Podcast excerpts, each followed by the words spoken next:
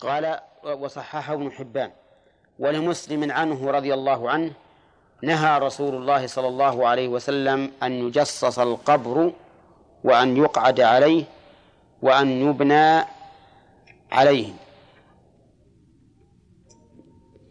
قوله نهى رسول الله صلى الله عليه وسلم. النهي النهي هو طلب الكف. على وجه الاستعلاء بصيغة معينة خاصة وهي لا المقرونة بالفعل المضارع. هذا النهي.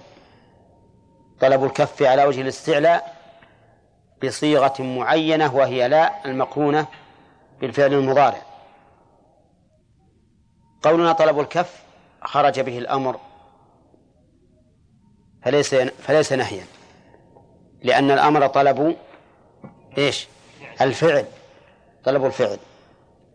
وقولنا على وجه الاستعلاء خرج به الدعاء وخرج به الالتماس لأن الداعي يدعو لا على أنه أعلى من المدعو بل على أنه أقل وأدنى مع أن الصيغة صيغة نهي. كقوله تعالى ربنا لا تؤاخذنا إن نسينا وأخطأنا. وخرج به أيضا الالتماس وهو أن يطلب الكف من مساو له. فهذا يسمى عند أهل اللغة أو أهل البلاغة التماسا.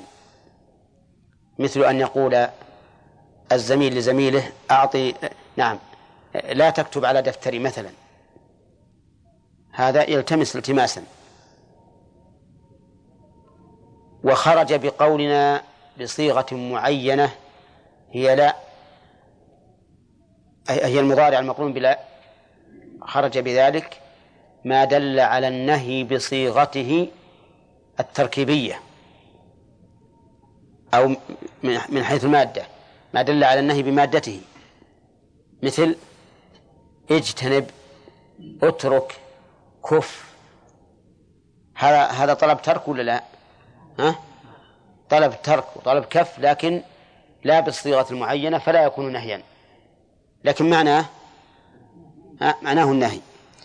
إذا نهى الرسول صلى الله عليه وسلم يعني قال لا تفعلوا كذا. قال لا تفعلوا كذا. أفهمتم؟ فإن قلت هل إن هذا من باب الصريح؟ المرفوع صريحا أو من باب المرفوع حكما؟ قلت هذا من باب المرفوع صريحا لأنه أضاف النهي إلى رسول الله صلى الله عليه وسلم. أما لو قال نهينا أو نهي الناس لكان من المرفوع حكما. كلام مصطفى؟ أنت معنا؟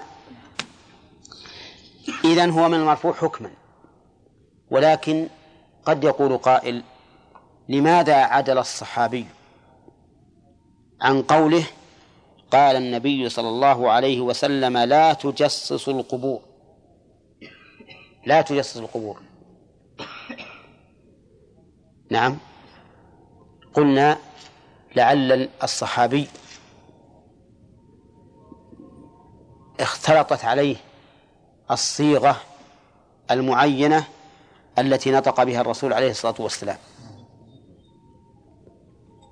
فنقلها بالمعنى. نقلها بالمعنى. فإن قلت إذا كان كذلك أفلا يمكن أن يكون الصحابي فهم النهي من قول الرسول عليه الصلاة والسلام والنبي صلى الله عليه وسلم لم ينهى عنه؟ ها. هذا احتمال لكن بعيد لأن الصحابي يعلم اللغة العربية تماما ويعرف ما يراد به النهي وما يراد به الخبر وما يراد به الأمر. ولا يمكن أن يكون صحابة النبي عليه الصلاة والسلام الملازمون له. لا يعرفون مدلول كلامه ولا يفرقون بين بين النهي والخبر أو بين النهي والأمر. هذا شيء مستحيل. فقرينة الحال تمنع ذلك. قوله أن يجصص القبر أن أي أن يوضع فيه الجص أو عليه. سواء كان فيه أو عليه. فلا يجصص اللحد. ولا يوضع الجص أيضا على ظاهر القبر. لما في ذلك من الغلو في المسألة الأولى ومن ذريعة الشرك والكفر في المسألة الثانية. لأنه إذا جصص القبر ظاهرا تطاول الناس في هذا وتسابقوا أيهم أحسن شكلا فهذا يقول أنا أريد أن يكون قبر أبي أحسن القبور التي حوله. والثاني يقول كذلك حتى يتباهى الناس في القبور ثم يؤدي ذلك إلى الشرك. والشرك كما قلنا سابقا وضع النبي عليه الصلاة والسلام كل الحواجز التي تحجز عن الوصول إليه. كذلك نهى أن يقعد عليه أن يقعد عليه على إيش؟ على القبر. يعني إذا كان فيه ميت وإلا مطلقا. إذا كان فيه ميت. وهذا أن يقعد عليه كلمة على تدل على العلو. وهذا لا يكون إلا بعد الدفن. فالقعود على القبر يعني بعد دفنه منهي عنه. الثالث أن يبنى عليه. يعني يوضع عليه بناء سواء كان هذا البناء شامخا أم قصيرا جميلا أم غير جميل. عام أن يبنى عليه. فجمع النبي صلى الله عليه وسلم بين النهي عن الغلو في القبور وعن إهانة القبور. ليكون الإنسان سائرا في نحو هذه القبور بين الغلو والإهانة يكون متوسطا. ولهذا يقول آه، في القعود عليه إهانة له. أولى. وفي تجصيصه والبناء عليه غلو فيه. فنهى النبي عليه الصلاة والسلام عن الطرفين. فالواجب علينا إذن أن نعامل هذه القبور ما بما تقتضيه.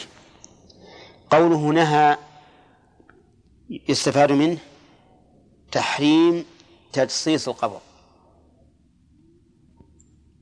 أولى ها؟ من أين فهمنا ذلك؟ من النهي. والأصل في النهي التحريم حتى يقوم دليل على أنه لغير التحريم. وأيضا فإن تجصيصه ذريعة للغلو فيه المفضي إلى عبادة من فيه. وما أفضى إلى المحرم أو كان ذريعة له كان محرما. ومن فوائد الحديث تحريم الجلوس على القبر. لقوله ها؟ وأن يقعد عليه. وهو حرام. وقد ثبت عن النبي عليه الصلاة والسلام أنه قال لأن يجلس أحدكم على جمرة فتخرق ثيابه فتمضي إلى جلده خير له من أن يجلس على القبر. وهذا يدل على غلظ التحريم فيه. ومن فوائد التحريم البناء على القبر لقوله وأن يبنى عليه. طيب ماذا نصنع لو أن الأمر وقع؟ بني على قبر وجصص القبر. ها؟ تجب إزالته. لأن المحرم لا يجوز إقراره. وعلى هذا فيجب على المسلمين أن يهدموا جميع القباب المبنية على القبور. يجب وجوبا لأنه بناء محرم نهى عنه النبي صلى الله عليه وسلم وما نهى عنه النبي صلى الله عليه وسلم فلا يجوز إحداثه ولا يجوز إقراره عند القدرة على إزالته. واضح؟ طيب. فإن قلت لو أن أحدا بنى على القبر حماية له ادعى أنه يبني عليه حماية له. ها؟ مردود؟ كيف؟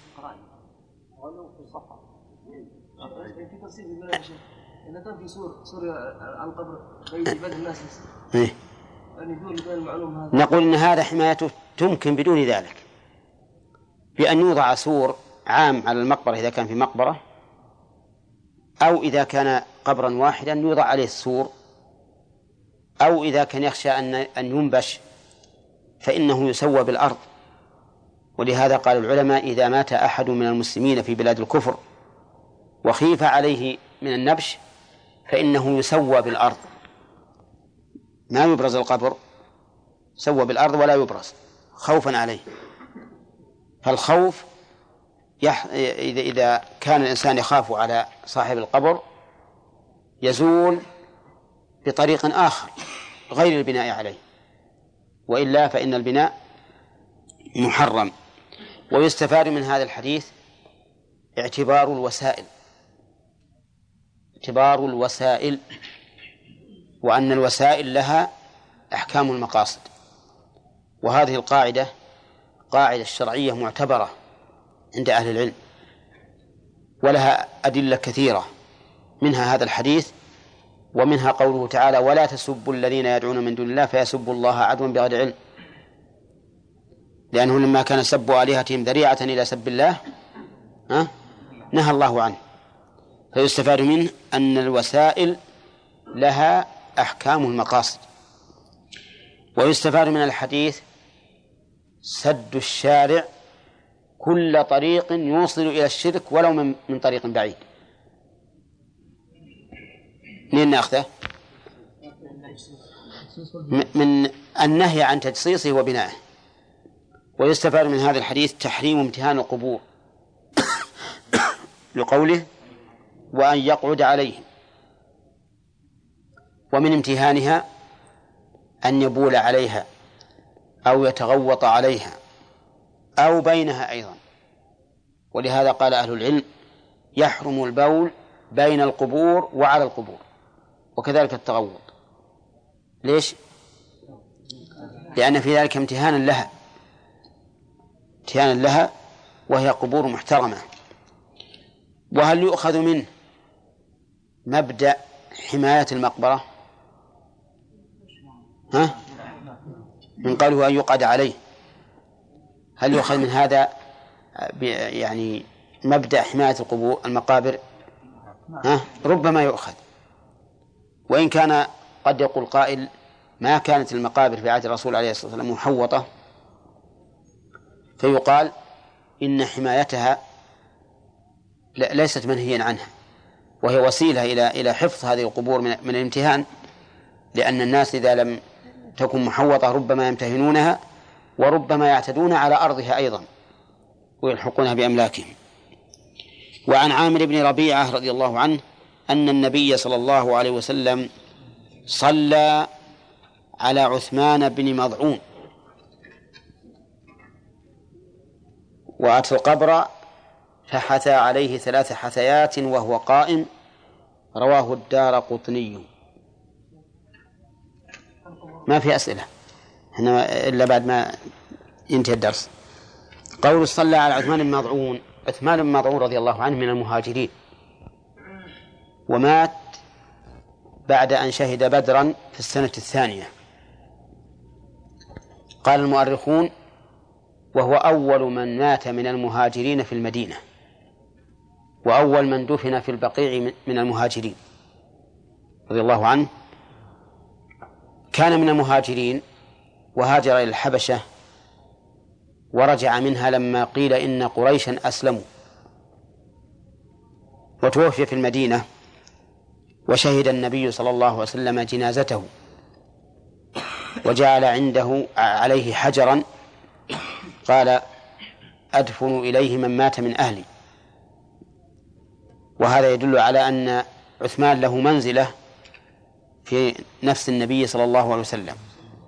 ولهذا حثى على قبره ثلاث حثيات وهو قائم. بيد واحدة ولا بيديه جميعا؟ ورد في بعض الأحاديث أنه أن ذلك بيديه جميعا. والحديث هذا ضعيف لكن له شواهد تدل على أن له أصلا وأنه ينبغي لمن حضر الدفن أن يحثو عليه ثلاث مرات من أجل أن يشارك في إيش؟ في الدفن. لأن دفن الميت فرض كفاية. فإذا شاركتهم ولو في هذا بهذا الجزء اليسير كنت مشاركا في في الدفن الذي هو فرض, كفاية. وقوله وهو قائم هل هذه الصفة صفة طردية أو صفة مقصودة. الطردية معناها أنها حصلت اتفاقا. نعم. وإذا قلنا إنها صفة مقصودة فإنه يكون الذي يحثو قائما لا يقعد ويحثو وإنما يحثو وهو قائم. ومن المعلوم أنه عند عندما يريد أن يحثو لا بد أن ينزل يديه وينحني ولكن هذا لا ينافي أن يكون قائما. المهم أنه يحثو بدون أن يجلس. قال وعن عثمان رضي الله عنه قال كان رسول الله صلى الله عليه وسلم إذا فرغ من دفن الميت وقف عليه وقال استغفروا لأخيكم واسألوا له التثبيت فإنه الآن يسأل رواه أبو داود وصححه الحاكم. قول كان النبي صلى الله عليه وسلم إذا فرغ من دفن الميت يحتمل أن يكون هذا في دفن باشر النبي صلى الله عليه وسلم فيه الدفن. ويحتمل أن يقول إذا فرغ يعني فرغ الناس لأنهم يدفنون بأمر الرسول عليه الصلاة والسلام. وإذا كان الشيء بأمره صار كأنه هو الفاعل. وقوله وقف عليه كيف وقف عليه؟ وقد مر علينا النهي عن عن القعود على القبر. آه بجانبه. وقف عليه بجانبه. مو على نفس القبر لأن الرسول صلى الله عليه وسلم نهى أن توطأ القبور ولكنه بجانبه يقف عليه. ولم يحدد في الحديث أين كان الموقف ولكن الذي يظهر أنه يكون عند رأسه. هذا هو الأقرب. لأن الرسول صلى الله عليه وسلم كان يقف في الصلاة نعم عند رأس الرجل وعند وسط المرأة لكن الوسط هنا بالنسبة للمرأة قد زال سببه. فيقف عند رأسه ولا يزاحم إذا تيسر وإلا فلو عند وسطه أو عند قدميه المهم أنه يقف عنده. وقال استغفروا لأخيكم. أي اسألوا له المغفرة. كذا. وما هي المغفرة؟ ستر الذنب والتجاوز عنه. وما صيغة ذلك؟ صيغته أن تقول اللهم اغفر له. اللهم اغفر له. بدليل قوله تعالى والذين جاءوا من بعدهم يقولون نعم ربنا اغفر لنا ولإخواننا الذين سبقونا بالإيمان وبدليل قوله تعالى الذين يحملون العرش ومن حوله يسبحون بحمد ربهم ويستغفرون للذين آمنوا ربنا وسعت كل شيء رحمة وعلما هذا صيغة دعائهم. ربنا وسعت كل شيء رحمة وعلما فاغفر للذين تابوا. وعلى هذا فالاستغفار للشخص أن تقول ها؟ اللهم اغفر له. طيب لو قلت أستغفرك اللهم ربي لفلان. يجوز؟ يجوز لأنه طلب المغفرة. لكن الصيغة الأولى أولى. قال واسألوا له التثبيت. يعني اسألوا أن يثبته الله عز وجل. وعلل هذا الحكم بقوله فإنه الآن يسأل. الآن بعد أن يفرغ من دفنه يسأل. ولم يبين النبي صلى الله عليه وسلم من يسأله لكنه بين في أحاديث أخرى وهو أنه يأتيه ملكان فيسألانه. وما هو المسؤول عنه؟ يسألانه عن أمور ثلاثة عن دينه عن ربه ودينه ونبيه. شيء عن نعم. هذا الأمر بالشيء نهي عن لا. ها؟ الخلاف. أي خلاف؟ هذه المسألة. أي خلاف؟ الأمر بالشيء نهي ها. نعم. فائدته أنه إذا أمر الشارع بأمر وتركته قلنا إنك وقعت في النهي. الذي أقل أحواله الكراهة. وعلى هذا فيكون كل من ترك مستحبا فقد وقع في مكروه. والأمر والأمر ليس كذلك. هذه مسألة تتعلق بالعقيدة. لا هي مسألة فقهية. هذه في أصول الفقه. يتكلمون يتكلمون عن عليه في أصول الفقه. أما الذين يقولون بأن القرآن معنى واحد فهذا ما يدخل في هذا. حتى الأمر والنهي والخ... والاستفهام والخبر يرون شيء واحد. نعم. قد تنوب مناب الضمير. ال تنوب مناب الضمير. ولهذا جعلها الكوفيون جعل ال من الروابط. جعلوا ال من الروابط. أين هي؟ فأتى القبر أي فأتى قبره. فأتى قبره. فهنا جعل أن الكوفيون جعلوا ال من الروابط كالضمير. ولا شك أن كلامهم صحيح ويؤيده أن ال هنا تفيد العهد حتى لو فرض أنها من الروابط فإنها تفيد العهد الذكري. لأن الرجل الميت لا بد أن يكون له قبر. فكانه قال القبر لهذا الرجل المعهود. في من فوائد الأحاديث التي مرت علينا إثبات. إثبات السؤال في القبر. نعم واضح؟ الدلالة ما هي بواضحة؟ لكن من أجل شواهدها ممكن أن نقدم عليها ونقول إن السؤال لا بد أن يكون له نتيجة وإلا لما ف... لم... لم يكن فيه فائدة. نعم. قوله واسألوا له التثبيت. نعم. ثبت. طيب تثبيت لشيء يعني جلل. ما يخالف لشيء عظيم جلل وهو أن أن يقر بالتوحيد أو لا يقر. طيب لازم يكون فيه يعني مترتب عليه عقوبة أو ما هي إلى ذاك؟ والله أنا عندي ما هي إلى ذاك. لكن لولا أنها وردت أحاديث وآيات تدل على ذلك ما اجترأنا أن نقول في هذا الحديث دليل عليه. وأنا ذكرت لكم هذا لفائدة وهي أننا لا نحمل النصوص ما لا تتحمل. لأن بعض الناس يحمل النصوص ما لا تتحمل فيجعلها دالة على معنى بعيد عنها. إلا إذا كان هناك ما يؤيدها من أدلة أخرى واضحة فربما يستأنس بهذه الشواهد على إثبات الدلالة من من النص. الأخير يعني. طيب يستفاد حديث عامر بن ربيعة يستفاد منه أنه ينبغي قصد القبر ينبغي قصد القبر ليحثو عليه. لقوله وأتى القبر فحثى ومن فوائده أن أنه إذا كان يحثو لا يكون قاعدا بل يكون قائما.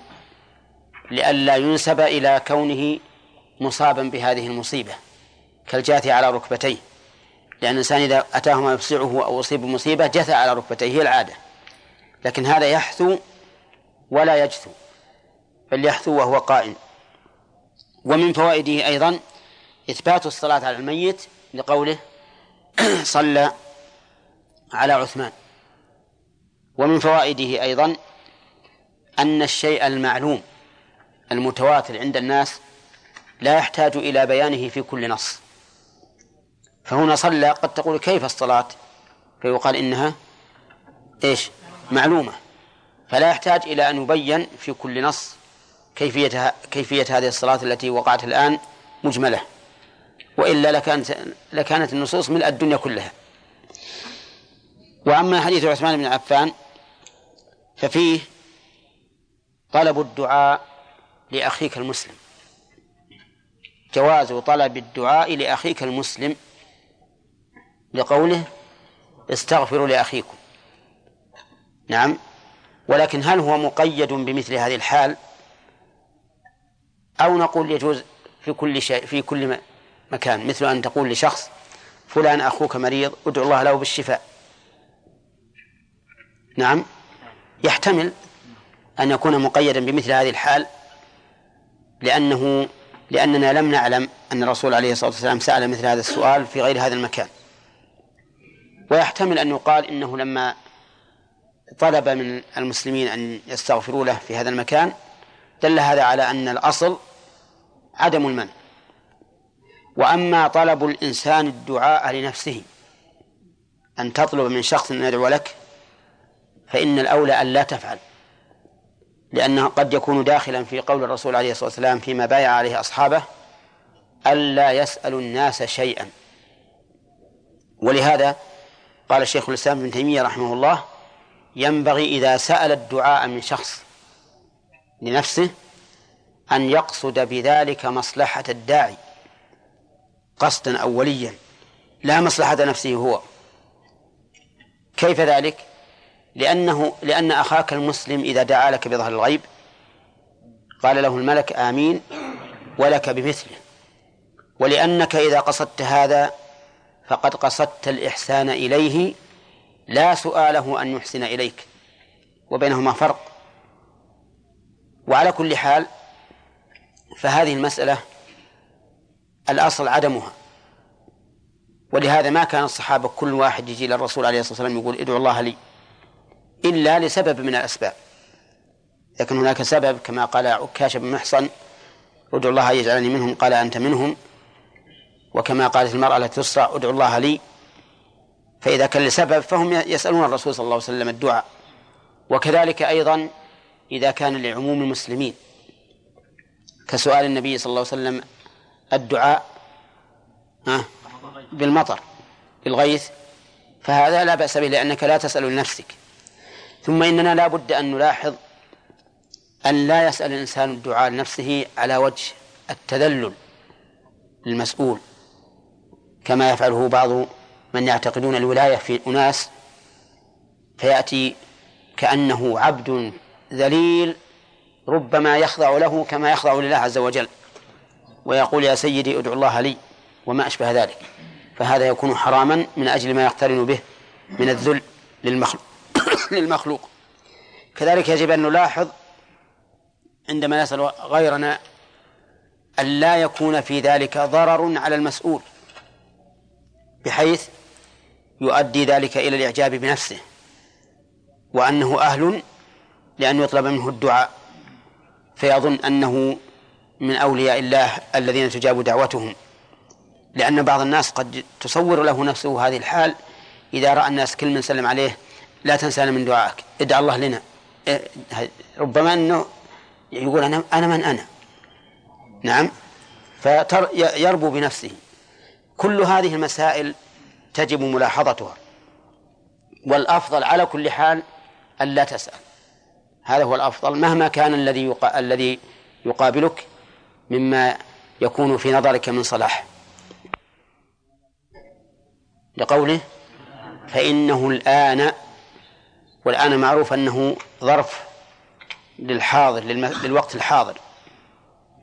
ومثل ذلك لو أن أحدا من الناس توفي وبقي في الثلاجة لمدة أيام فإنه لا يسأل حتى حتى يدفن.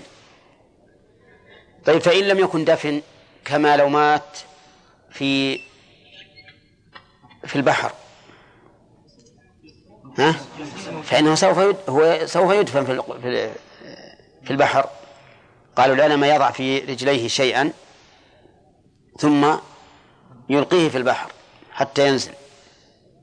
فهذا دفنه.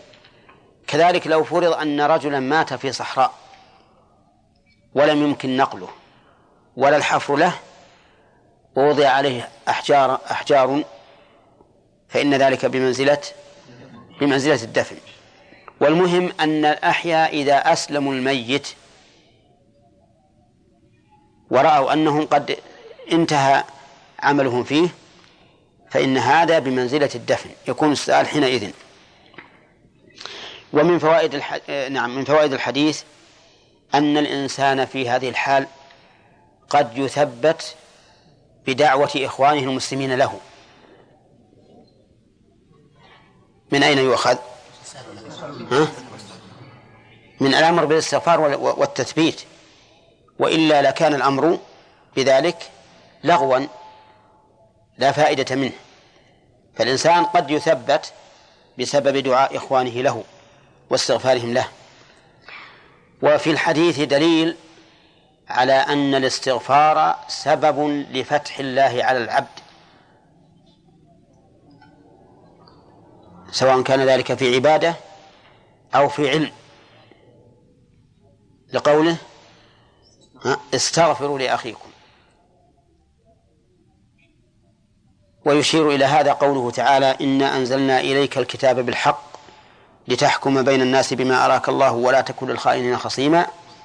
واستغفر الله إن الله كان غفورا رحيما. فإن في الآية هذه إشارة إلى أن الاستغفار سبب لإصابة الصواب. ولهذا كان بعض العلماء إذا وردت عليه مسألة صار يستغفر الله. والمناسبة في هذا ظاهرة لأن القلوب لأن الذنوب رين على القلوب. والاستغفار سبب لإزالة ذلك وتطهير القلوب منها. فإذا زال, زال الرين حصلت البيان. عرفتم؟ والدليل على أن الذنوب تحول بين المرء وبين رؤية الحق. قوله تعالى إذا تتلى عليه آياتنا قال أساطير الأولين. كلا بل ران على قلوبهم فلم يعرفوا الحق والعياذ بالله ولم يعرفوا قدر هذا القرآن العظيم لأن قلوبهم قد ران عليها ما كانوا ما كانوا يكسبون. فالذنوب كلها شر كلها آثام كلها بلاء يحصل فيها من العقوبات العامة والخاصة ما هو ظاهر. ولو لم يكن من ذلك إلا قوله تعالى ظهر الفساد في البر والبحر. في كل شيء بما كسبت أيدي الناس. ومن أراد أن يعرف آثار الذنوب وعقوباتها فليقرأ كتاب ابن القيم المعروف بالجواب الكافي لمن سأل عن الدواء الشافي. فإنه ذكر في أول هذا الكتاب عقوبات عظيمة للذنوب وآثارها في المجتمع وفي الشخص نفسه. طيب ويستفاد من هذا الحديث إثبات الأخوة بين المسلمين. لقوله استغفروا لأخيكم وهو كذلك وأقوى رابطة بين بني آدم هي الرابطة الإيمانية والأخوة الإسلامية. هذه أقوى رابطة أقوى من القوميات. ها؟ أقوى؟ أخوك في الإسلام أقوى من أخوك في من أخيك في العروبة؟ نعم؟ لا لا. ها؟ متأكدون؟ أي نعم. أقوى. وأقوى حتى من النسب. أخوك في الإسلام والدين أقوى من كل شيء. انظر إلى قوله تعالى الأخلاء يومئذ يوم القيامة. يومئذ بعضهم لبعض عدو. كل خليل عدو لخليله إلا إلا المتقين. فالتقوى هي الجامع التي تجمع بين الرجلين في الدنيا وفي الآخرة. خليلك في الدنيا هو خليلك في الآخرة إذا كانت الخلة ها؟ نعم إذا كانت لله وسببها التقوى. طيب ويستفاد من هذا الحديث أن الدعاء في هذه الحال يكون في حال القيام. لقوله ها؟ وقف عليه وقال استغفروا وقال استغفروا لأخيكم. بقي أن يقول قائل هل كان الرسول صلى الله عليه وسلم يفعل؟ هل يقول يستغفر ويدعو بالتثبيت؟ ها؟ أو يقول ولا ولا ولا, ولا يفعل. ها؟ الظاهر أنه يقول ويفعل لكنه يقول لينبه الناس إلى أن يقولوا نعم لينبه الناس إلى أن يقولوا ويكون حينئذ قولنا الآن امتثالا لأمر الرسول صلى الله عليه وسلم لا لمجرد التأسي. انتبه. لو كان يقول هكذا ويسمع الناس ويقتدون به صار اقتداء به ها لمجرد التأسي. لكن إذا قال افعلوا صار صار فعلنا لها امتثالا للأمر. وهذا أقوى من مجرد التأسي. ومن فوائد الحديث أن فيه آية للرسول صلى الله عليه وسلم. كيف ذلك؟ لأن لقوله فإنه الآن يسأل لأن هذا من أمر الغيب. ما نعلم ماذا يكون للميت بعد موته إلا عن طريق الوحي أو شيئا يطلع الله تعالى عليه العباد للعبرة والعظة أو للكرامة وما أشبه ذلك. وإلا في الأصل أن هذا أمر مغيب. ما يعلم إلا عن طريق الوحي. وكون الرسول صلى الله عليه وسلم يؤكد لنا فإنه الآن يسأل لا شك أنه دليل على أنه نبي الله حقا ورسوله حقا لعلمه بما لم نعلمه. طيب وي ويستفاد منه أيضا أن الرسول صلى الله عليه وسلم لا يملك لغيره نفعا ولا ضرا. نعم. وإلا لما سأل ولا ولا ولا دعا كما هو ظاهر الحديث أنه سأل ودعا. وهذا أمر معلوم يجب علينا أن نؤمن به بأن رسول الله صلى الله عليه وسلم لا يملك لنا ولا لنفسه نفعا ولا ضرا لأن الله أمره أن يبلغ هذا لأمته. قل لا أقول لكم عندي خزائن الله ولا أعلم الغيب ولا أقول إني ملك. قل لا أملك لنفسي نفعا ولا ضرا إلا ما شاء الله.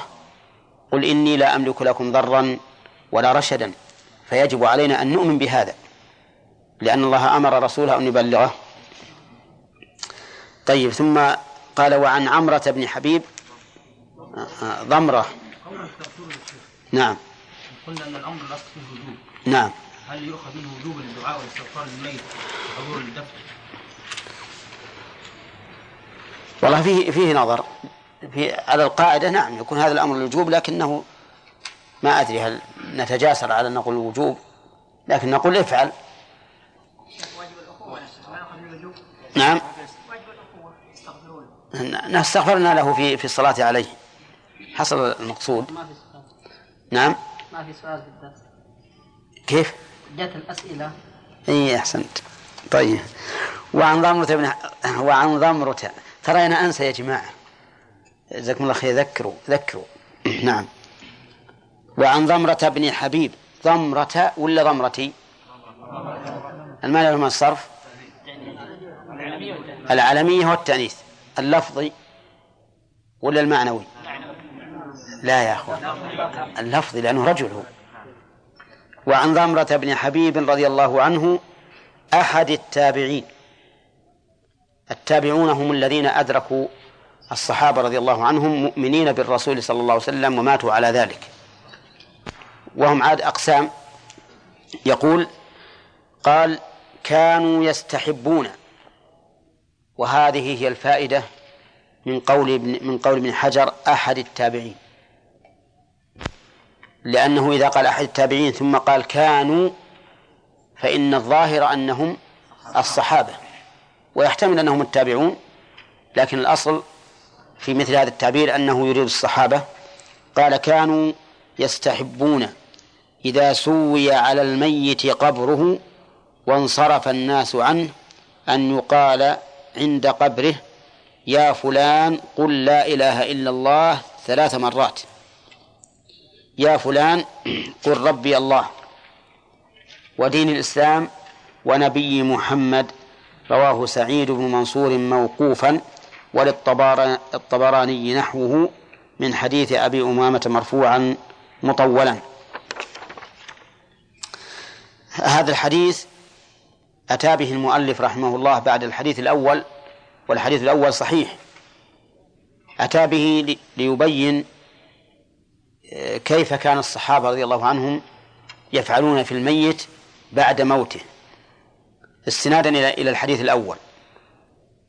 ولننظر هل يصح هذا الاستناد؟ كما قيل أو لا يصح. الصحابة يقول كان إذا سوي على الميت قبره وانصرف الناس عنه. من هنا تبدأ المخالفة. انصرف الناس عنه. وفي الحديث الأول يقال متى؟ إذا فرغ من دفنه قبل الانصراف. إذن لا يكون تطبيقا للحديث الأول. ثانيا يقول أن يقال عند قبره يا فلان قل لا إله إلا الله. فينادى ويلقن. والحديث الأول ما في هذا. فيه أن الله فيه أنه يسأل التثبيت. أن الإنسان يسأل الله له التثبيت. فلا يكون هذا الحديث تطبيقا. ولهذا نعم نكمل. قل لا إله إلا الله ثلاث مرات. هذا ما يستقيم. أن يؤمر بالتعبد لله بعد موته. لأنه انقطع عمله. كما ثبت عن النبي عليه الصلاة والسلام إذا مات الإنسان انقطع عمله إلا من ثلاثة إلا من صدقة جارية أو علم ينتفع به أو ولد صالح يدعو له. وأما وأما أن نسأل الله له التثبيت فهذا ليس أمرا بأن نقول له قل لا إله إلا الله. أيضا يقول يا فلان قل ربي الله. يا فلان قل ربي الله. هذا ربما يكون شاهدا يكون له أصل لأن الإنسان يقال له من ربك. ولكن ما الذي يدرينا أن الملائكة تقول له الآن من ربك حتى يكون قولنا قل نعم قل ربي الله موافقا مطابقا لزمان الجواب. من يقول هذا؟ ثم من يقول إنه يسمع؟ يعني مسألة سماع الأموات مسألة مشهورة الخلاف فيها. وليس فيها نص قاطع يتبين به أنه يسمع كل ما يقال عنده. طيب قل ربي الله ودين الإسلام. المهم أن هذا الحديث كما ترون موقوف. موقوف على الصحابة؟ ها؟ لا على الصحابة. ما يخالف ضمرة هو اللي رواه عن الصحابة. ضمرة رواه عن الصحابة. كانوا يستحبون. يكون هذا من فعل الصحابة. ولا لا؟ طيب. لكن اللي اللي ينسب للتابع من فعل التابع يسمى مقطوعا. أما الحديث المرفوع فيقول ابن القيم إنه لا يصح رفعه. بل قال بعضهم إنه لا شك في وضعه. حديث أبي أمامة. وقد روي عن أحمد عن الإمام أحمد ما يدل على أنه أنكره. وعلى هذا فمسألة تلقين الميت بعد موته لا أصل لها. ولا ينتفع بهذا التلقين لأن عمله انتهى. لو لقن وقال لا إله إلا الله ماذا يفيده؟ ومن يقول إنه يقول لا إله إلا الله بعد موته؟ إنما إذا سئل أجاب. فقال ربي الله ودين الإسلام ونبي محمد. فالصواب في هذه المسألة أنه لا يستحب تلقين الميت بعد موته سواء كان بالغا عاقلا أو صغيرا. وقال بعض العلماء إنه يلقن الكبير فقط وقال دون الص- الصغير والمجنون. يلقن الكبير العاقل دون الصغير والمجنون لأنهم غير مك... لأنهما غير مكلفين. ولكن الصحيح عدم التلقين مطلقا وإنما يستغفر له ويسأل له التثبيت. وهذا هو الظاهر من فعل الرسول صلى الله عليه وسلم لأنه ما دام يقف عليه ويقول استغفروا لأخيكم ولا يلقنه ولا يأمر بتلقينه دل على أن هذا ليس من السنة. نعم. ها أتى القبر فحث عليه ثلاث حيات نعم. القبر ما كان حياته ها؟ القبر كان يعني كاملا محفور بعد لا بعد ما مات. بعد ما دفن وهو يدفن حث عليه. ها؟ إيش؟ ما أكمل دفنه القبر اي ما تم. نعم. بالنسبة للدعاء تكلمنا فيه. يعني تطلب الدعاء من الغير فيشمل الوالدين كذلك. حتى الوالدين حتى الوالدين. لكن لكن مسألة الوالدين أخف. لأن الوالدين المنة منهما قليلة عليك والثاني ترجى إجابة دعواتهما. نعم. ثبت عن الرسول صلى الله عليه وسلم. صلى الله عليه وسلم قول لعمر بن الخطاب آه، إذا لقيت أويس القرني نعم. فاطلب منه أن يستغفر لك نعم. فهذا نعم يكون خاص بأويس؟ هذا خاص أي نعم. هذا خاص. نعم. إذا واحد مشهور. لو إنك ما غيبت يا آدم لو ما حفظت تقول. واحد مشهور بالمعصية. هل يعني مشهور بين الناس أو الربا أو يفعل أعمال يعني يكون مشهور بين الناس؟ هل يجوز أن يدعو له؟ أن ندعو له؟ لأنه هو, هو أحوج من غيره انه يدعى له. في القبر يعني. انه في القبر. هو أحوج من غيره أن يدعى له. الإنسان العاصي اللي ما وصل معصيته إلى حد الكفر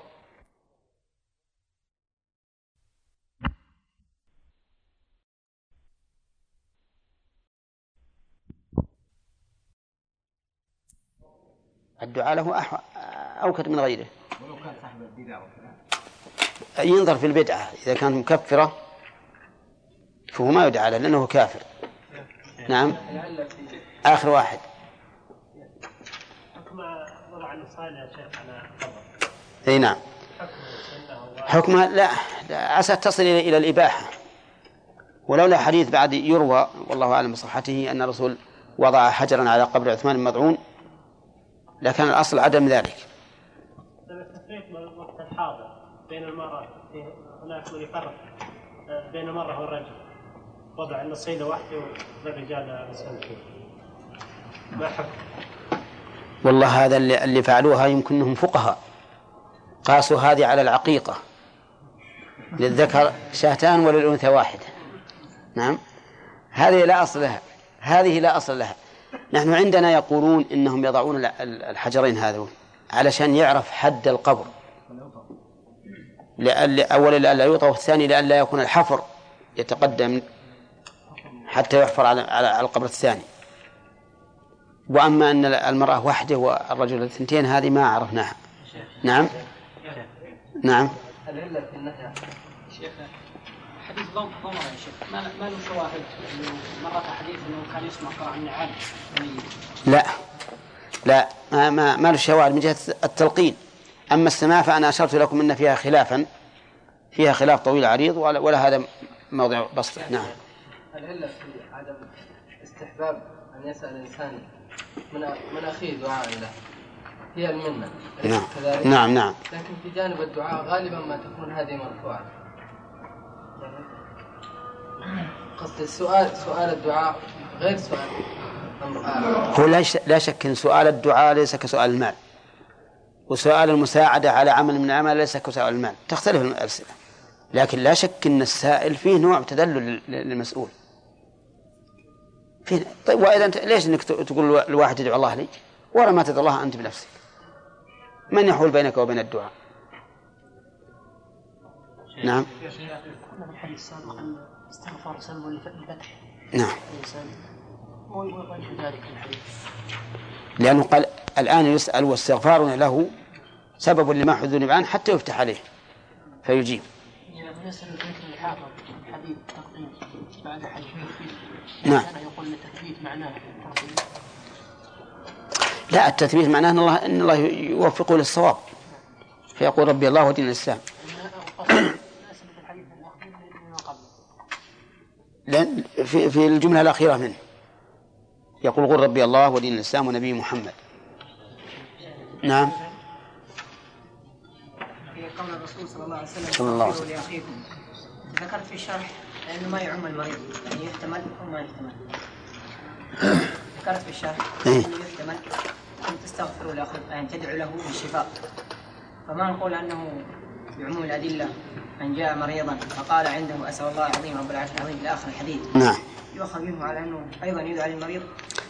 ما في شك لكن هل إنك تقول مثلا للرجل أخوك فلان مريض فادعو الله له بالشفاء؟ كما نقول هذا الميت ادعو الله له بالتثبيت والاستغفر- واستغفروا له والمغفرة. نعم. نحن قررنا فيما سبق إنه ليس هناك خصوصية في الشريعة. إلا إذا صرح بها النبي صلى الله عليه وسلم قال هذه خاصة لك. نعم. فكيف يعني نقول حديث أويس أنه خاص أويس مع النبي صلى الله عليه وسلم؟ ما ما صح في هذا إيه لأن أويس الدليل على أنه خاص به أن في الأمة من هو أفضل منه بلا شك. فأبو بكر أفضل منه وكذلك علي بن أبي طالب عثمان بن عفان. ما أمر الرسول عمر أن يدعو لها هؤلاء هنا الأسلمي رضي الله عنه. قال قال رسول الله صلى الله عليه وسلم كنت نهيتكم عن زيارة القبور فزوروها رواه مسلم. وزاد الترمذي فإنها تذكر الآخرة وفي رواية المسلم فإنها تذكر الموت قول عليه الصلاة والسلام زوروا الزيارة هي أن يفد الإنسان إلى إلى المزور إما لقرابة أو صداقة أو غير ذلك. فإن كانت لمرض سميت عيادة لأنها تتكرر. وقوله كنت نهيتكم أي فيما سبق. وقوله فزوروها أمر لكنه ورد بعد النهي. وسيأتي إن شاء الله الكلام عليه. وقوله فإنها تذكر الآخرة الجملة تعليل للأمر بالزيارة فإنها تذكر الآخرة. أي تجعل الإنسان يذكر الآخرة لأنه إذا مر بهؤلاء القوم وزارهم وكانوا بالأمس معه على ظهر الأرض وهم الآن في في أعمالهم مرتهنين فإنه لا شك يذكر هذا اليوم. فهذا الحديث يخبر به النبي عليه الصلاة والسلام أنه كان قد نهى أصحابه عن زيارة القبور وذلك في أول الأمر خوفا عليهم من الشرك لأن زيارة القبر قد تكون ذريعة إليه أي إلى الشرك. فإن الذين يزورون القبور لا تخلو حالهم من أحوال أربع. إما أن يدعوا لأهل القبور وإما أن يدعو الله بأهل القبور وإما أن يدعو الله عند القبور وإما أن يدعو لأهل القبور. هذه الأولى. وإما أن يدعو أهل القبور أهل القبور أنفسهم. فهذه أحوال من يزور القبور. أربع أن يدعو لهم أن يدعو الله بهم أن يدعو الله عندهم أن يدعوهم. أما الدعاء لهم فهذا فهذه هي الزيارة, هي الزيارة المشروعة التي كان الرسول عليه الصلاة والسلام عليها. فإنه يسلم عليهم ويدعو لهم بالمغفرة والرحمة. وأما دعاء وأما دعاء الله بهم فأن يجعلهم وسيلة إلى الله عز وجل مثل أن يقول اللهم إني أسألك بصاحب هذا القبر بصاحب هذا القبر. وهذه بدعة ومحرمة سواء كان صاحب هذا القبر ممن شهد له بالخير أو لم يكن كذلك. حتى كان حتى ولو كان النبي صلى الله عليه وسلم. فإنه لا يجوز لك أن تتوسل به في دعائك به نفسه. وأما الدعاء عندها فأن يقصد الإنسان المقبرة يزورها معتقدا أن الدعاء عند القبور أفضل من الدعاء في المساجد أو في البيوت. وهذا أيضا بدعة مكروهة. واعتقاد فاسد فإنه لا مزية للدعاء عند قبر أبدا. ولهذا كان القول الراجح أن الإنسان لا يدعو ولا عند قبر النبي عليه الصلاة والسلام. وإن كان بعض العلماء قال إنه يستحب لمن زار قبر النبي صلى الله عليه وسلم أن يتجه إلى القبلة بعد السلام عليه ويدعو والصواب خلاف ذلك. وأن هذا المكان ليس من الأمكنة التي تقصد للدعاء. والرابع أن يدعو أصحاب القبور. يعني يقول يا سيدي يا ولي الله يا نبي الله أغثني أعطني كذا أفعل كذا فهذا شرك أكبر مخرج عن الملة. لقوله تعالى ومن يدعو مع الله إلها آخر لا برهان له به فإنما حسابه عند ربه إنه لا يفلح الكافرون. فهذه أحوال من زار القبور. صارت كم؟ أربعا أربع حالات. قال النبي عليه الصلاة والسلام زوروا كنت نهيتكم عن زيارة القبور. والحكمة من ذلك إيش؟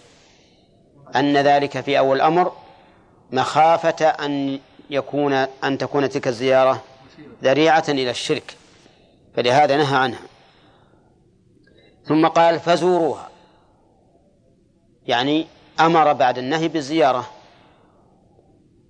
والأمر بعد النهي اختلف فيه أهل العلم. فمنهم من يقول إن الأمر بعد النهي يفيد الإباحة أي أن هذا الشيء الذي كان منهيا عنه صار الآن مباحا. وذلك لأنه لما نهي عنه انتقل حكمه من الإباحة إلى النهي. فلما أذن فيه ارتفع النهي فبقيت الإباحة. ومثاله قوله تعالى يا أيها الذين آمنوا لا تحلوا شعائر الله ولا الشهر الحرام ولا الشهر الحرام ولا الهدي ولا القلائد ولا آمين البيت الحرام يبتغون فضلا من ربهم ورضوانا وإذا حللتم فاصطادوا. فأمر بعد النهي. ولكن هذا الأمر في الحقيقة ليس نسخا لأنه بيان لغاية النهي. لأنه قال لا تحلوا شعائر الله ولا الشرع حرام ثم قال وإذا حللتم فاصطادوا فبين أن النهي قد انتهى وليس هذا نسخا. لكن مثل هذا الذي معنا نسخ. نسخ للنهي إلى الأمر. فهل زيارة القبور مباحة لورودها بعد النهي؟ قيل بذلك. وأنها مباحة لورودها بعد النهي. والصواب أن الأمر بعد النهي رفع للنهي. وإعادة لحكم المنهي عنه إلى حكمه الأول. إن كان مستحبا فهو مستحب وإن كان غير مستحب فهو غير مستحب. وهذا الحديث الذي معنا فيه قرينة تدل على أن الأمر للاستحباب وهو قوله فإنها تذكر الآخرة فإنها تذكر الآخرة. وعلى هذا فيكون الأمر بزيارة مستحبا لهذا التعليل. وفي رواية أخرى في مسلم فإنها تذكر الموت. تذكر الإنسان حاله أنه سيكون إلى إلى ما كان عليه هؤلاء. ومعلوم أن الإنسان إذا ذكر الموت فسوف يعمل له إذا كان عاقلا. في هذا الحديث عدة فوائد. أولا إثبات النسخ. إثبات النسخ نسخ الأحكام. لقوله كنت نهيتكم ثم قال فزوروها. وثبوت النسخ واقع بالكتاب والسنة. ففي كتاب الله يقول الله عز وجل ما ننسخ من آية أو نوسها نأتي بخير منها أو مثلها. وكذلك كل أحكام الأمم السابقة التي يخالفها شرعنا كلها منسوخة. نعم. كتحريم كل ذي ظفر على اليهود وما أشبه ذلك. ومنها أي من أدلة القرآن مثال واقع في مصابرة العدو حيث أمر الله تعالى بأن لا نفر إذا كان العدو عشرة أمثالنا ثم نسخ. فقال الله تعالى إن يكن منكم عشرون صابرون يغلبوا مئتين وإن يكن منكم مئة يغلبوا ألفا من الذين كفروا بأنهم قوم لا يفقهون. الآن خفف الله عنكم وعلم أن فيكم ضعفا. فإن يكن منكم مئة صابرة يغلبوا مئتين وإن يكن منكم ألف يغلبوا ألفين بإذن الله.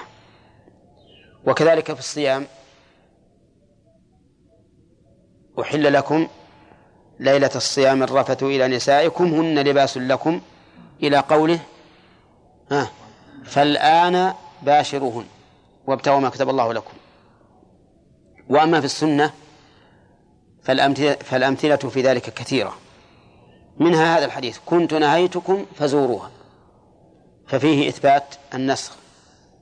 فإن قلت كيف يثبت النسخ؟ والله سبحانه وتعالى بكل شيء عليم. لماذا لم يشرع الله تعالى هذا الحكم من أول الأمر ولا يأتي بالنسخ؟ فالجواب أن النسخ من مصالح العباد. لا لخفاء الأمر على الله عز وجل لكن العباد قد تقتضي قد يقتضي صلاح أحوالهم الحكم المنسوخ إلى مدة ثم يكون صلاح أحوالهم بالحكم الناسخ. وهذا أمر معلوم. أن الإنسان تتغير أحواله بالنسبة للأحكام فقد تكون الأحكام في حال من الأحوال مناسبة وفي حال أخرى نعم غير مناسبة. وهذه هي الحكمة في ثبوت النسخ وهي, وهي ظاهرة. ويستفاد من هذا من هذا الحديث أيضا أن أحكام الله عز وجل تابعة لحكمها وأن الحكم الحكم يدور مع علته. وجهه أن الناس لما كانوا حديث عهد بكفر وكانت فتنة فتنة القبور قد تكون قريبة نحوهم نهوا عن زيارة القبور. ثم بعد ذلك نسخ هذا الحكم. ففي دليل على أن الأحكام تتبع الحكم. ومن فوائد الآية من فوائد الحديث أيضا أنه يجب على من علم الحكم الشرعي أن يرجع إليه ولو كان حكم في الأول بخلافه. بمعنى أن الإنسان لو اجتهد فأداه اجتهاده إلى أن هذا الشيء حرام مثلا ثم تبين له أنه حلال أو بالعكس فيجب عليه الرجوع. كما يجب الرجوع إلى الحكم الناسخ عند وجود النسخ. والعلة الجامعة بينهما أنه قد تبين لهذا المجتهد أن حكم الله تعالى خلاف الحكم الأول. كما تبين في النسخ أن حكم الله خلاف الحكم الأول. ومن فوائد الحديث مشروعية مشروعية زيارة القبور. وأنه ينبغي للإنسان أن يزور القبور. طيب. وكلمة زوروها فعل. والفعل يدل على الإطلاق. والإطلاق يحصل بفعل مرة. كما نص عليه أهل العلم؟ يحصل بفعل مرة. ولكن متى تكون هذه الزيارة؟ هل لها وقت معين؟ الصواب أن لا, أن لا وقت لها معين وأن الإنسان يزور المقبرة في أي وقت شاء. ذا كريم لأن النبي صلى الله عليه وسلم أطلق ما قال زوروها في أول النهار ولا في آخره ولا في الليل ولا في الجمعة ولا في الاثنين ولا في الخميس ولا في غيرها. فتشرع زيارة القبور نعم كل وقت. بل قد ثبت أن الرسول صلى الله عليه وسلم خرج إلى أهل البقيع فسلم عليهم في الليل. كما في حديث مسلم عن عائشة مطولا. فعلى هذا نقول زيارة القبور مستحبة في كل وقت. ومن فوائد الحديث أنه ينبغي للإنسان أن يفعل ما يذكره الآخرة. وجهه أن الرسول أمر بزيارة لأنها تذكر وهذا من أوضح القياس وأجلاه. إذا ألحق الفرع بالأصل في علة منصوص عليها فهذا من أبين القياس. وعلى هذا كل ما يذكر الآخرة فإنه ينبغي للإنسان فعله سواء زيارة القبر أو قراءة آيات موعظة أو أحاديث موعظة. أو جلوس عند واعظ كلامه مؤثر أو ما أشبه ذلك. ومن فوائد الحديث أيضا أنه ينبغي للإنسان أن يأخذ بأنواع الأسباب المؤثرة. لا يقتصر على سبب واحد بل يأخذ بكل الأسباب المؤثرة. لأنه لا شك أن القرآن أعظم واعظ وأن السنة بعده. ولكن هذا سبب آخر لاتعاظ الإنسان فكونه يأخذ من كل نوع من المؤثرات بنصيب أحسن أحسن لأن القلب أحيانا قد لا ينتفع بهذه الموعظة العظيمة إما لكثرة ورودها على قلبه وإما لغفلته عندها أو ما أشبه ذلك لكنه يتأثر بإيش؟ بنوع آخر من المواعظ وإن كان دونها في الأصل. وهذا أمر مشاهد. ومن فوائد الحديث أنك لو أمسكت أخاك وقلت اجلس بنا اجلس بنا نتذاكر الآخرة نتذاكر الموت نتذاكر آيات الله عز وجل حتى يزداد إيماننا ويقيننا فإن ذلك من الأمور المشروعة. وقد كان السلف رحمهم الله يقول بعضهم لبعض اجلس بنا نؤمن ساعة. اجلس بنا نؤمن يعني نحقق الإيمان واليقين ساعة. فهذا من الأعمال الطيبة. وكذلك لو كان الإنسان أحيانا إذا غفل جلس مع نفسه ونظر وتفكر في الأمر وأحدث بذلك إنابة إلى الله عز وجل وخشية. ورجوعا إليه فهذا أيضا من الأعمال المطلوبة التي يدل عليها هذا الحديث. ومن فوائد هذا الحديث أن الموت والقبر من أمور الآخرة فهو داخل في الإيمان باليوم الآخر. لقوله فأنها تذكركم الآخرة. ولهذا قال الشيخ الإسلام رحمه الله في العقيدة الواسطية ومن الإيمان باليوم الآخر الإيمان بكل ما أخبر به النبي صلى الله عليه وسلم مما يكون بعد الموت. فالقبور لا شك أنها من الآخرة وهي أول درجاتها وأول مراحلها. حتى قال بعضهم إذا أردت صورة مصغرة ليوم القيامة فاخرج إلى المقبرة.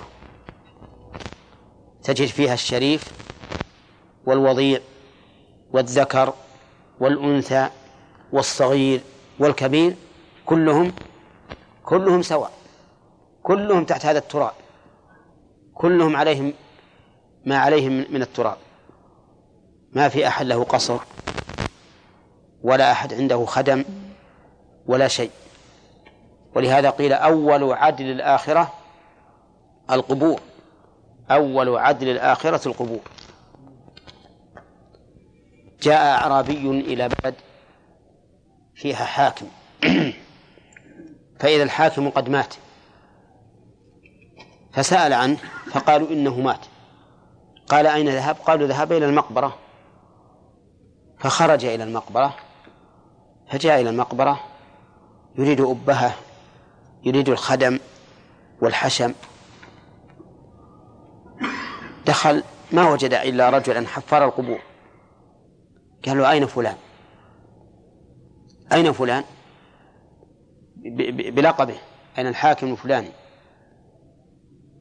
قال له الحاكم الفلاني هذا.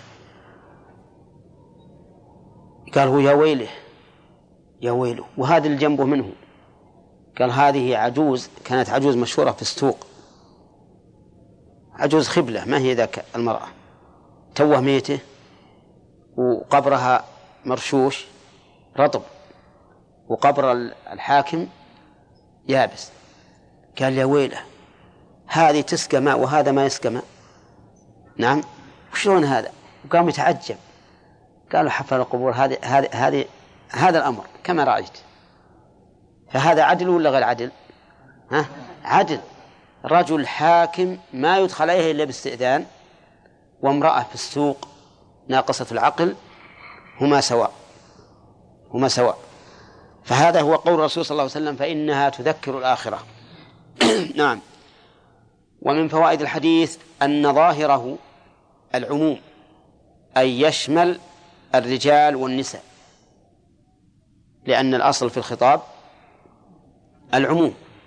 حتى وإن كان الخطاب للرجال فإنما يخاطب الرجال تغليبا ولأن الرجال هم أهل الحل والعقد والتقويم والتهذيب فكانت توجيهات الخطاب في القرآن والسنة إلى إلى الرجال لأنهم أشرف ولأنهم هم أهل التوجيه أو أهل توجيه الخطاب لأنهم هم القوامون على النساء. فعموم الحديث يتناول يتناول النساء. وأنه يشرع لهن زيارة القبور.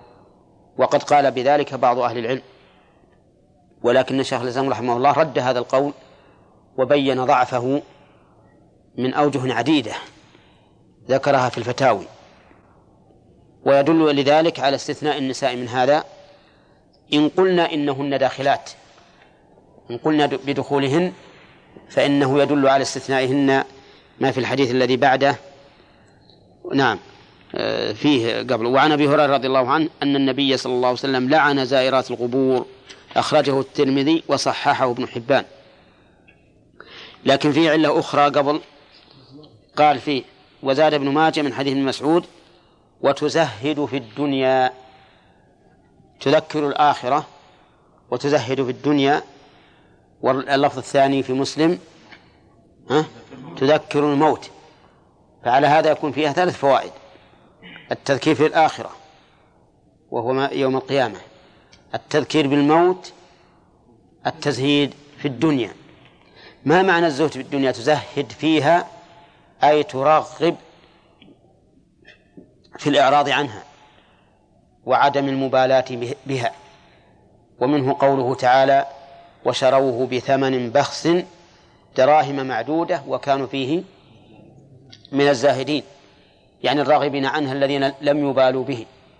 فالتزهيد في الدنيا معناه أن الإنسان لا يبالي في الدنيا ولا يهتم بها. ولكن ما معنى التزهيد في الدنيا؟ هل معناه ألا نعمل للدنيا أبدا ونتركها؟ نعم ويجد الواحد اصبر يا أخي. ويجد الواحد في المسجد لا يخرج ولا يتكلم ولا يعمل؟ لا. المعنى ألا تكون أعمالنا للدنيا. ألا تكون للدنيا. مهب ألا نعمل في الدنيا ألا تكون لها. بمعنى أن أعمالنا نصرفها إلى الآخرة. حتى لو بعنا أو اشترينا فإنما نريد بذلك الآخرة. يستطيع الإنسان يبيع ويشتري من أجل أن يقوم بكفايته وكفاية أهله. وقد ابتاع واشترى الخلفاء الراشدون رضي الله عنهم في خلافتهم لطلب الرزق. وقال الله تعالى رجال لا تلهيهم تجارة ولا بيع عن ذكر الله ولم يقل لا يبيعون ولا يشترون. وقال النبي عليه الصلاة والسلام لعبد الله بن عمرو بن العاص إن لربك عليك حقا ولنفسك عليك حقا. فالتزهيد في الدنيا أن لا تعمل لها لا أن لا تعمل فيها. فالعمل في الدنيا ما ينافي العمل للآخرة لكن اجعل عملك في الدنيا مطية للوصول إلى الآخرة. نعم بع واشتري واشتري السيارة وأعمر البيت. نعم والبس الثياب. وما أشبه ذلك لا تقول والله بزهد أبى ألبس صوف نعم و أو خيشة ولا أنتفع بالناس ولا ينتفع الناس مني هذا غير صحيح. قال الله تعالى هو الذي جعل لكم الأرض ذلولا فامشوا في مناكبها وكلوا من رزقه. امشوا في مناكبها للرزق وكلوا من رزقه. وقال تعالى فإذا قضيت الصلاة فانتشروا في الأرض وابتغوا من فضل الله واذكروا الله كثيرا لعلكم تفلحون. فالزهد في الدنيا يختلف تختلف أفهام الناس فيه. فمنهم من يقول الزهد في الدنيا أن لا تنظر إلى شيء منها أبدا. كلش. وبعضهم يقول لا الزهد في الدنيا أن تعمل ما ينفعك في, في الآخرة ولو كان من أمور الدنيا. وهذا هو الحق. هذا هو الصحيح. فإن قلت ما تقول في قوله تعالى لرسول عليه الصلاة والسلام ولا تمدن عينيك إلى ما متعنا به أزواجا منهم زهرة الحياة الدنيا لنفتنهم فيه. ورزق ربك خير وأبقى. قلنا نعم. ما هذا ما ينافي ما قلنا. الله عز وجل يقول لا تمدن عينيك إليه لتتعلق به فإنه زهرة الحياة الدنيا. ما قال لا تنظر إليه إطلاقا. لا تمدها إليه بحيث تتعلق به حتى يكون أكبر همك فإنما هو زهرة الحياة الدنيا. نعم الإنسان الذي تشغله دنياه عن آخرته لا شك أنه خاسر. خاسر للدنيا والآخرة. نعم أما الإنسان الذي يجعل الدنيا مطية للآخرة فهذا رابح في الدنيا وفي الآخرة. ولا شك أيضا أن الدنيا فتنة فتنة عظيمة. إنما أموالكم وأولادكم فتنة. والإنسان ربما يفتتن في الدنيا سواء كان غنيا أو فقيرا. قد يغنيه الله ومع ذلك هو مفتون بالدنيا. كأنه ليس في جعبته قرش واحد. وقد يكون فقيرا ويفتن في الدنيا ويكتسبها على وجه محرم. والحاصل أن الزهد في الدنيا معناه إيش؟ الإعراض عنها وأن لا تعمل لها.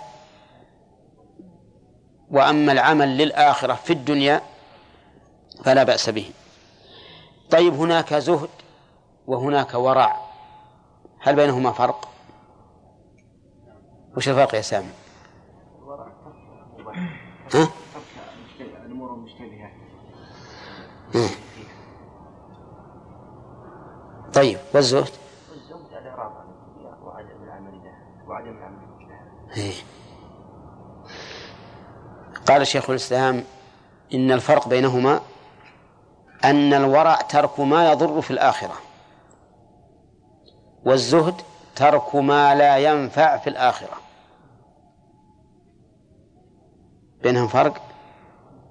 الورع ترك ما يضر في الآخرة والزهد ترك ما لا ينفع في الآخرة.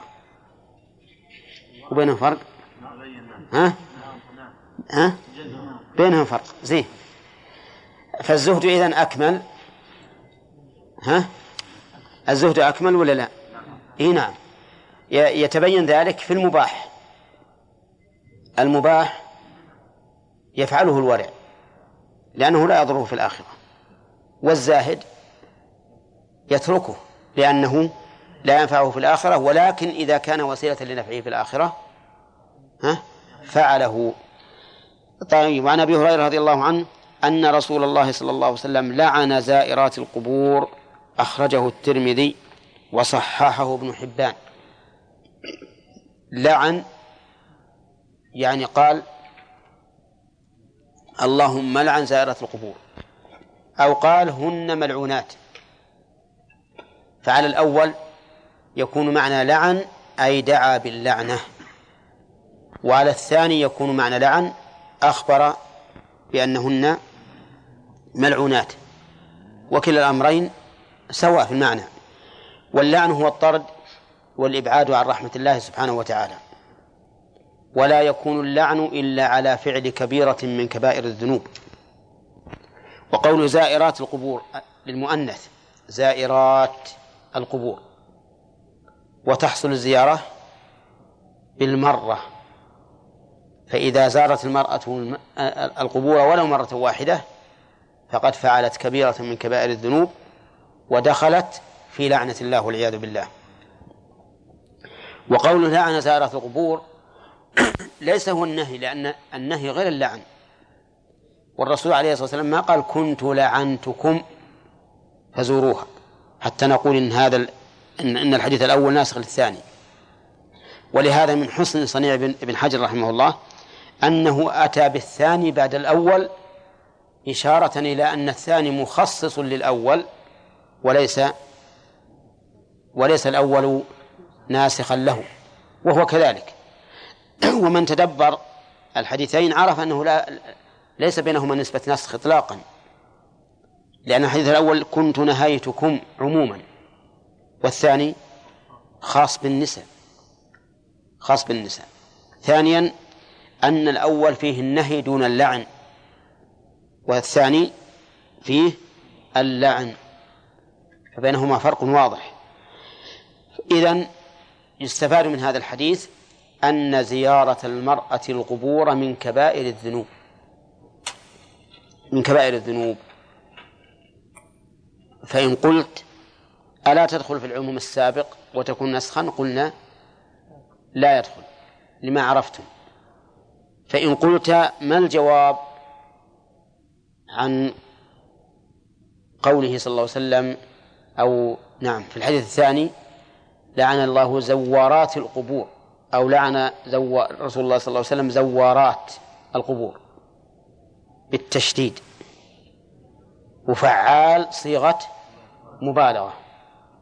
قلنا إن كلمة زوار تأتي للمبالغة وتأتي للنسبة كبناء ونجار ونحو ذلك. نعم.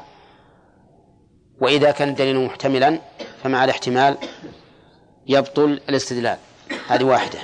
ثانيا على فرض أن زوارات للمبالغة فإن زائرات أعم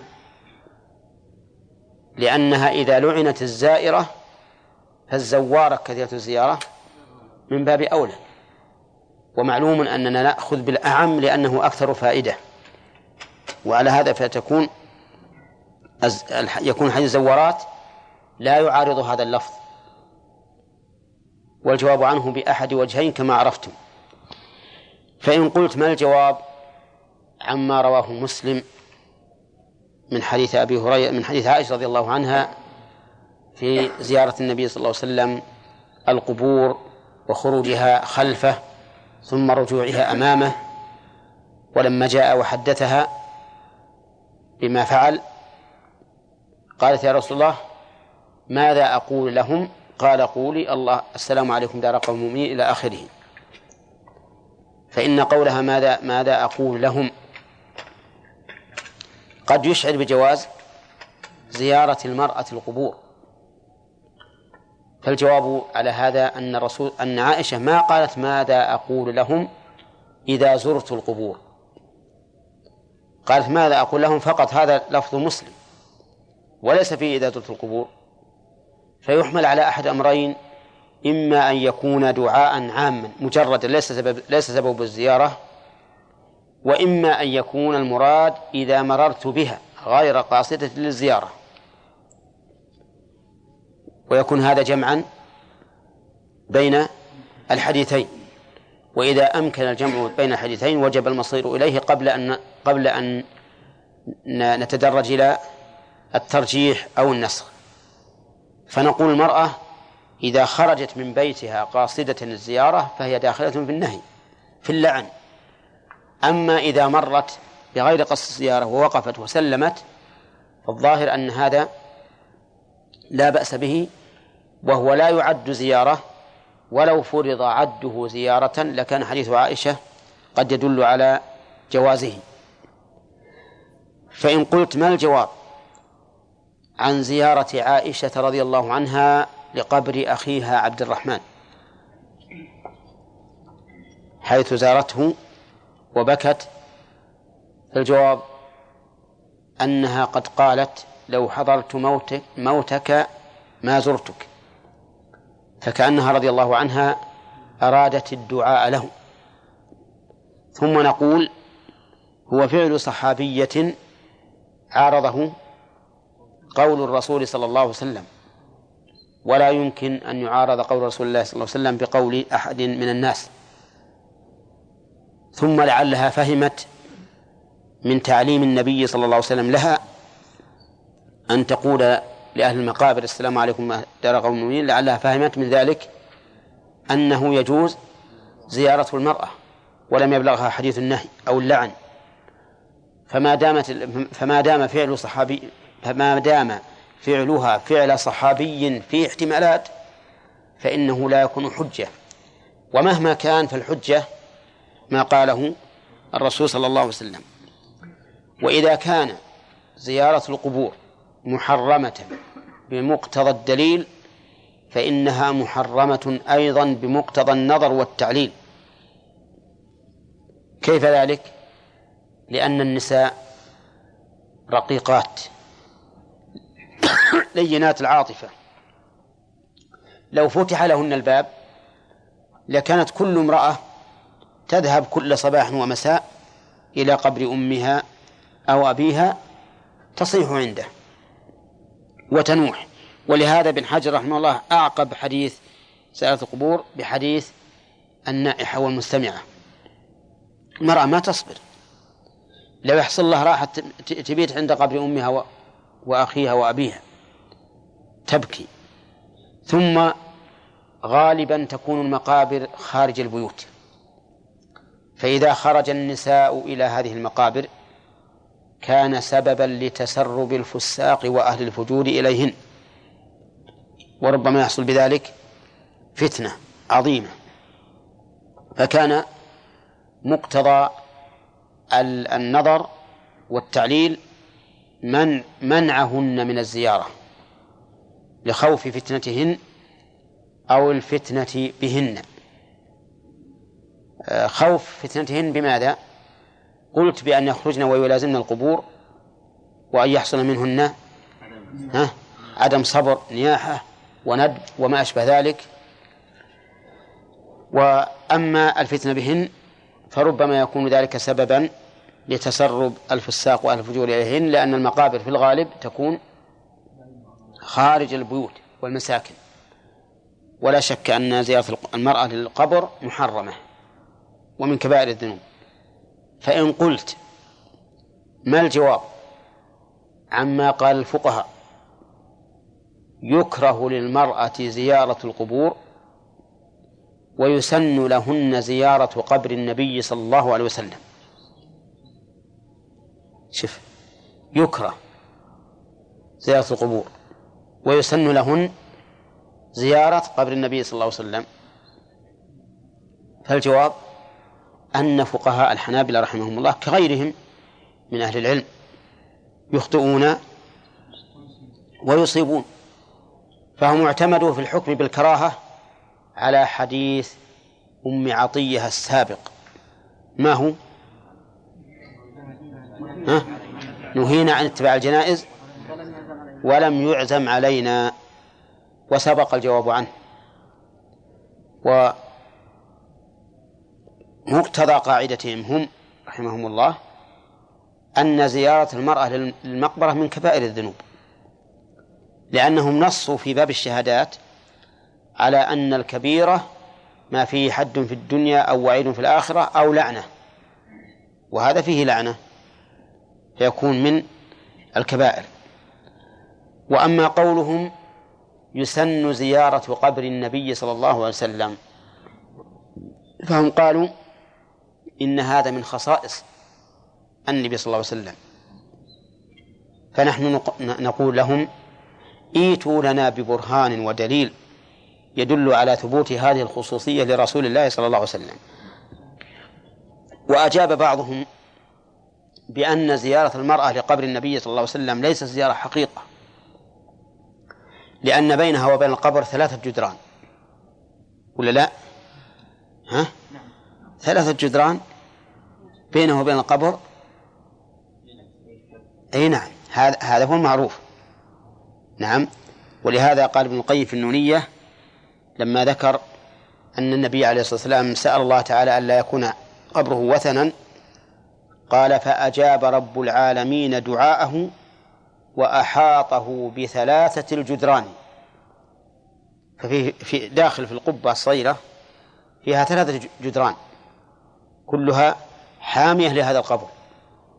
قالوا فإذا وقفت المرأة من وراء الشباك فبينها وبين الرسول صلى الله عليه وسلم مساحة وجدر فلا يعد هذا زيارة. والزيارة التي لعنت فاعلتها هي التي تقف على القبر. وهذه لم تقف على القبر فلا تكون داخلة في اللعن. وجوابنا على هذا هذا الحقيقة أن هذه شبهة قوية جدا كما سمعتم. شبهة. فإن أحد من الناس لو أتى إلى خمسة قبور عليها حيطان ثلاثة مثلا وقف من وراء الحيطان هل يكون زائرا؟ ها؟ نشوف. هو في الواقع قد تقول ليس بزائر. لو جاء واحد لمك وأنت مثلا في وسط الغرفة غرفة في وسط مجلس والمجلس في وسط الحوش. نعم. والحوش في وسط الحديقة ومن وراء الحديقة جدار. وسلم عليك من وراء الجدار الطالعي السلام عليك يا فلان كيف حالك وكيف أصبحت؟ يكون زائرا لك ولا غير زائر؟ ها؟ يعني نعم نعم سمع وأجاب. وقال وقال افتح قال بارك الله فيك وأثابك الله على خطاك. أكملت الزيارة. صحيح لا هو يبي فنجان شاي ويقعد عنده شوي أعتقد أنه ما هو زائر في, الحق في الواقع. ولا لا؟ ما يعني ما هي بزيارة واحد إن الذين ينادونك من وراء الحجرات أكثرهم لا يعقلون. هذا ما ما ما, ما هو زائر هذا. فيقول هذه ليست بزيارة. الحقيقة أنها تعليل قوي جدا لكن قد نقول إن الزيارة مطلقة. الرسول عليه الصلاة والسلام أطلق لعن زائرات القبور. ولم تحدد الزيارة بحد شرعي